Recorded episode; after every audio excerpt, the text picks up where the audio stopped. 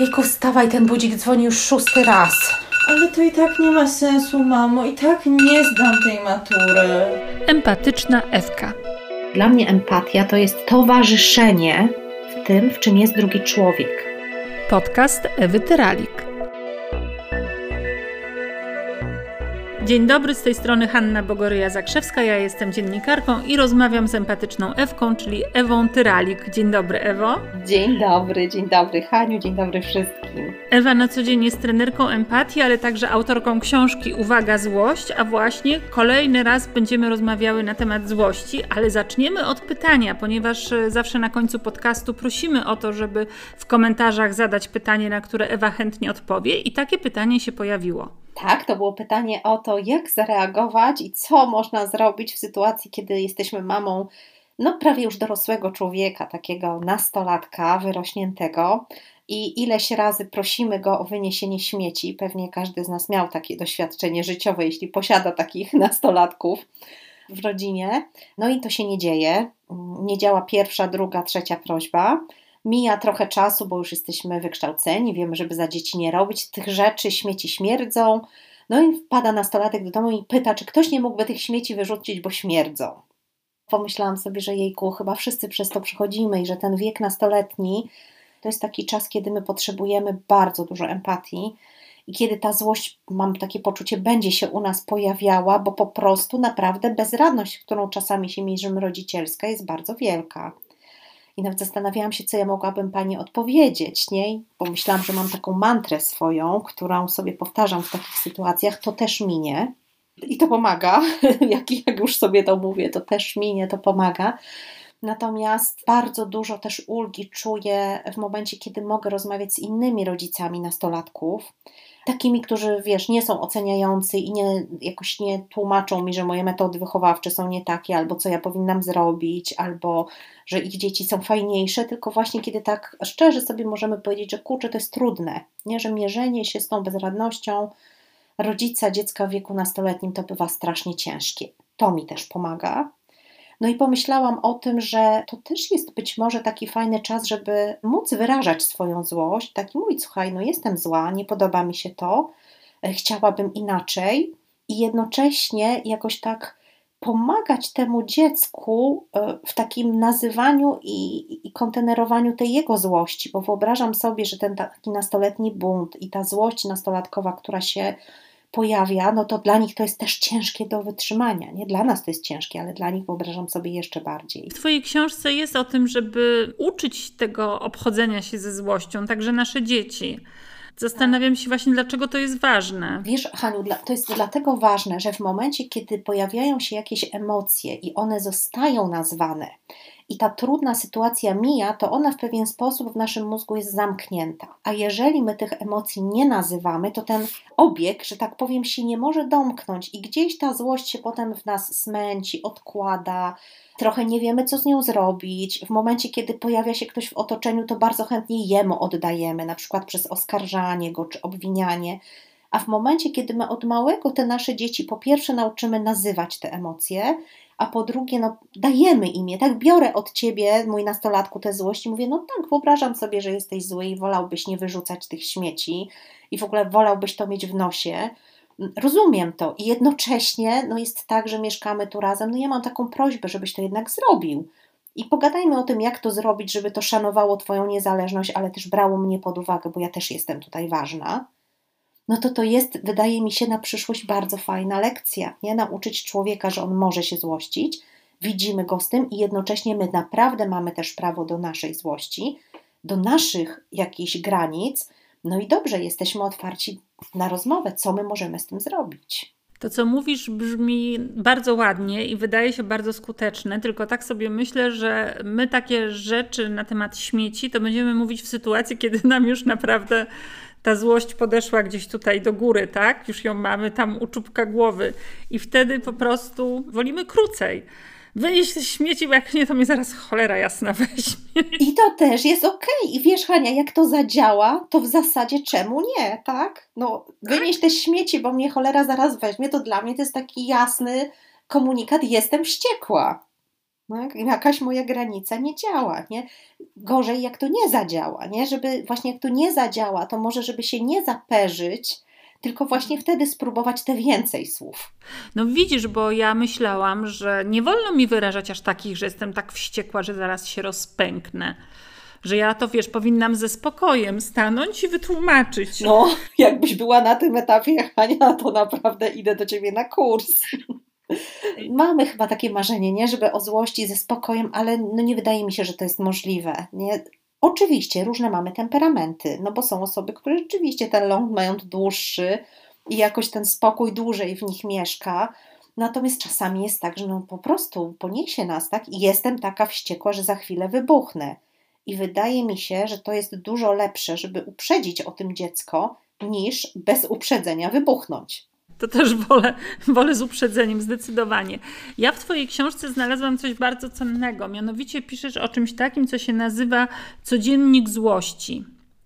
I ja sobie zrobiłam takie zapiski, bo pierwsza sprawa to, żeby zanotować, tak, ten moment, kiedy e, pojawia się taka złość. I ja miałam taką sytuację, że byliśmy z mężem w lesie, było bardzo przyjemnie, rozmawialiśmy sobie i między innymi on mnie zapytał, czy nie za wcześnie porzuciłam radio, zrezygnowałam z etatu. Więc ja dwie godziny tłumaczyłam, podawałam swoje argumenty, on tego słuchał myślałam, że wszystko jest jasne. Po czym następnego dnia przy kawie znowu usłyszałam to pytanie i wybuchłam wtedy straszną złością.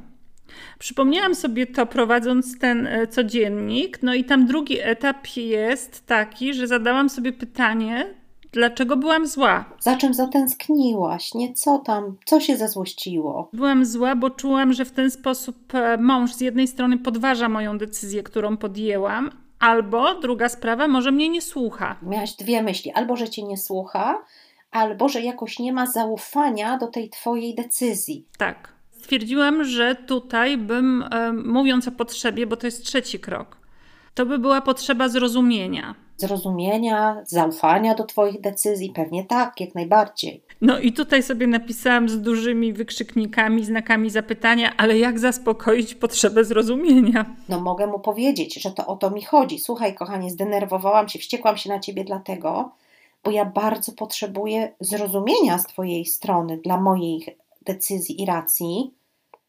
To już wyrażenie tego, to myślę, że to już jest wiesz w kierunku tej potrzeby coś.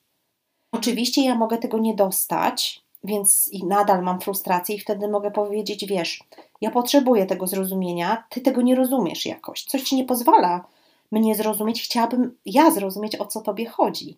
Czy ty się czegoś boisz? Czy to jest z troski o mnie? Co stoi za tym Twoim brakiem zrozumienia do mnie? Jak dobrze. Ci się tego słucha? No bardzo dobrze mi się tego słucha, bo rodzi się rozmowa, a nie, a nie atak. Czyli samo już powiedzenie, że słuchaj, ja potrzebuję w tej sytuacji zrozumienia, to jest dla mnie bardzo ważne. Jak nie mam go, to się złoszczę, no ale rozumiem, że Ty tego zrozumienia teraz nie masz dla mnie i chcę wiedzieć dlaczego, tak? Z czego to wynika. Polecasz y, ten codziennik? Myślisz, że to trzeba tak długo prowadzić, dopóki z automatu będziemy umieli sobie to wszystko przeanalizować? To jak każde narzędzie, tak? Komuś spasuje, komuś nie spasuje. Rzeczywiście dla mnie na przykład to, że ja robiłam takie rachunki sumienia i zapisywałam to, to przyspieszało uczenie się, a ponieważ mi na tym bardzo zależało, to jakby chciałam z tego narzędzia korzystać. Nie? Natomiast jeżeli ktoś ma inaczej, to też sobie myślę, że to też trzeba sprawdzić. Nie? Tam jest dużo innych narzędzi również. To na pewno wspiera uczenie się. W momencie, kiedy zaczynasz sobie robić te notatki w codzienniku, to ilość sytuacji, które nas złoszczą, w pewien sposób jednak jest ograniczona i ilość tych, powiedziałabym, głodnych potrzeb również. I po jakimś czasie zaczynasz widzieć, że bardzo często na przykład pojawia mi się ta potrzeba, albo to jest to coś, co powoduje moją złość, nie? I, I, jak się wyłania taki schemat, to potem już jest dużo łatwiej, no bo taki pewien algorytm nowy się tworzy, że ach, to chodzi o to. Ta druga strona, to dziecko, czy, czy nasz małżonek, czy ktoś inny, tak, wobec którego no, te ataki, nasze złości się pojawiały. Ona nie będzie prowadziła codziennika. I co my z tym zrobimy? Wiesz, mam nawet takie doświadczenie mam, że ludzie w naszym otoczeniu trochę uczą się też przez osmozę. Oczywiście, to my jesteśmy tym zaczynem, nie? To my jesteśmy tym kimś, kto no, trochę wie więcej. W relacji z dziećmi no to w ogóle powiedziałabym, że to jest bardzo naturalne. To jest skośna relacja i to nawet dobrze by było, żebyśmy wiedzieli więcej i mieli więcej świadomości. Natomiast mam naprawdę takie doświadczenie i z domu, ale też z rozmów z moimi klientami, że po jakimś czasie te nasze otoczenia to zaczynają po prostu, one to wchłonęły bez konieczności prowadzenia codziennika. To jest podcast empatycznej Ewki www.ewatyralik.com Zaskoczyło mnie, jak dużo jest takich momentów i sytuacji, kiedy ta złość może się pojawić. Jak językiem to wzbudzamy, tak? Poprzez, tak jak pisałaś, to mogą być groźby, to może być krytyka, to może być porównywanie, że tego jest tak dużo. Na warsztatach z komunikacji ludzie przychodzą i rozmawiamy. I jakby na początku jest takie podejście, mój Boże, wszyscy ze sobą rozmawiamy, co to za pomysł miała ta moja żona, ten mój mąż, żeby przychodzić, uczyć się rozmawiać, nie? A potem, jak się ludzie dowiadują, jak przede wszystkim doświadczają, jak na nich to działa, jak oni to przeżywają, kiedy są porównywani do kogoś, jak oni to przeżywają, co, się, co to z nimi robi, kiedy są oceniani, krytykowani i jak to działa, kiedy można to inaczej powiedzieć, to mówią: Jejku, tego się powinniśmy uczyć w szkole. Ale to jest bardzo trudne, żeby właśnie powstrzymać się od oceniania. Trochę świat taki dla nas jest, nie dobre, złe, białe, czarne, ciemno, jasno, noc, dzień Pewnie, że tak, ze szkoły mamy też ten nawyk, więc to, to oczywiście, że to jest bardzo trudne, bardzo. I też my, wiesz, no my też nie wyplenimy wszystkich ocen, no bo to trochę byłybyśmy, no już w ogóle, nie wiem, jakimś rodzajem robotów, nie? To aż tak to się nie da. Natomiast są takie szczególne sytuacje, kiedy właśnie ktoś na przykład jest w wysokich emocjach, nie? Czy komuś jest trudno, że to są te momenty, w których jakby warto mieć tę umiejętność, że ja mogę również inaczej niż ocennie bo nie da się jakby zupełnie tego wyrugować, nie ma takiej opcji. Ale są naprawdę momenty, kiedy to służy, kiedy ci przychodzi dzieciak ze szkoły i ma nos na kwintę, to to jest bezcenna okazja, żeby nie skorzystać z oceny czy z porównania, tylko właśnie się nim zaciekawić i zapytać, co się wydarzyło, co jest dla ciebie ważne, jak ty to przeżywasz. I to naprawdę się, wiesz, wtedy odkłada w takiej, bym powiedziała, wielkiej księdze miłości, tak, się dopisują strony, a w momencie, kiedy my zapytamy tego dzieciaka, tak, co zrobiłeś nie tak, jak powinieneś, a co ktoś dostał, a co ktoś zrobił w tej sytuacji, no to się nie zapisuje w tej księdze po prostu. No mnie zaskoczyło, tam była e, przytoczona chyba wypowiedź też, że ty jesteś grzeszną dziewczynką, żeby też takich porównań nie stosować. I ja musiałam się chwilę zastanowić, ale o co chodzi, dlaczego nie? Dopiero przeczytałam tam rozwinięcie w książce. To samo, że jest grzeczna, możemy po prostu faktycznie powiedzieć w faktach, nie? I powiedzieć, jestem ci wdzięczna za to, czy jakoś cieszę się, że zrobiłaś to, czy tamto bo ta etykietka grzeczna potem za nami idzie przez całe życie. I jeszcze jak jest dziecko grzeczne, to powiedzmy jest troszkę niepokojące, nie? Ale jak masz potem grzeczną, dorosłą kobietę, czy grzeczną y, kobietę, która w pracy naprawdę nie może obronić swoich granic, nie może rozmawiać o pieniądzach, ma dylemat, jest naprawdę to dla niej duży problem, żeby poprosić o dzień wolnego, bo na przykład jej dziecko wtedy potrzebuje wsparcia to już potem nie jest takie fajne, jak się jest dorosłym, bycie grzecznym. No zobacz, rozmawiamy o złości, niby o emocji, ale tak naprawdę rozmawiamy o komunikacji. O komunikacji, o granicach. No bo tak naprawdę ta złość to jest coś, co z jednej strony się pojawia właśnie wtedy, kiedy granice mamy naruszone, a z drugiej strony pojawia się dlatego, że duża ilość komunikatów, które słyszymy w naszym kierunku, no są po prostu przemocowe. Tego się inaczej nie da nazwać. My tego nie zauważamy na co dzień ale to są komunikaty, które naprawdę naruszają nasze granice. No nie wiem, zdanie do nastolatki, jak ty wyglądasz, co ty na siebie włożyłaś, to jest rodzaj przemocy. Jak nie chcemy się do tego przyznać, ale to narusza granice. Tak, a jeszcze jakiś inny przykład? Męża do żony, żony do męża? Na ciebie nigdy nie można liczyć. No wiesz, to jest mocna ocena. Na pewno nigdy. Na pewno za każdym razem, kiedy czegoś ode mnie potrzebowałaś, nie mogłaś na mnie liczyć, nie? To jest duże oskarżenie, to jednak jest jakoś naruszające i jakiejś części tego naszego męża nie widzimy. To znaczy, ja e, pamiętam z zajęć, na które chodziłam w szkole dla rodziców, żeby w złości nie używać e, tych słów takich ogólnych zawsze, tak? Nigdy. Zdarza mi się, że jednak nie wytrzymuję, używam, ale na pewno wtedy mam dyskomfort i wiem, że to jest niesprawiedliwe, czuję to. Prawda, że to jest taki jakiś rodzaj niesprawiedliwości. Czy wiesz, a w drugą stronę, jeżeli, no nie wiem, mąż ci mówi, co ty zrobiłaś z włosami, co to za fryzura, wiesz, no jest to rodzaj no jakiegoś naruszenia granicy. Tak zupełnie inaczej by było, gdyby on powiedział: Słuchaj, ja uwielbiam, jak masz długie włosy, nie wiem, pofarbowane tam na blond. Okej, okay, tak? Ale coś ty zrobiła z włosami, jak ty wyglądasz? No, jest to jakiś rodzaj, nie? Czy na rodzinnym obiedzie ciocia czy wujek mówiący do ciebie, ale się zapuściłaś, powinnaś coś ze sobą zrobić i schudnąć. No ale jak tutaj nie zareagować inaczej niż atakiem? Wiesz co, myślę, że. Jak najbardziej adekwatna jest złość w tej sytuacji. No i teraz oczywiście możemy e, jakby odreagować atakiem, no to, to się samo ciśnie na usta, nie? I, i, I ten. Tylko pytanie, czy to gdzieś nas doprowadzi, nie? Czy to nas też doprowadzi do takiego miejsca, w którym my chcemy być. No bo raczej ciężko będzie nam wygrać tę wojnę. Potem trochę mamy i zostałyśmy z tym zdaniem, które usłyszałyśmy, i jeszcze z takim trochę niesmakiem do siebie, że się dałyśmy wciągnąć, nie?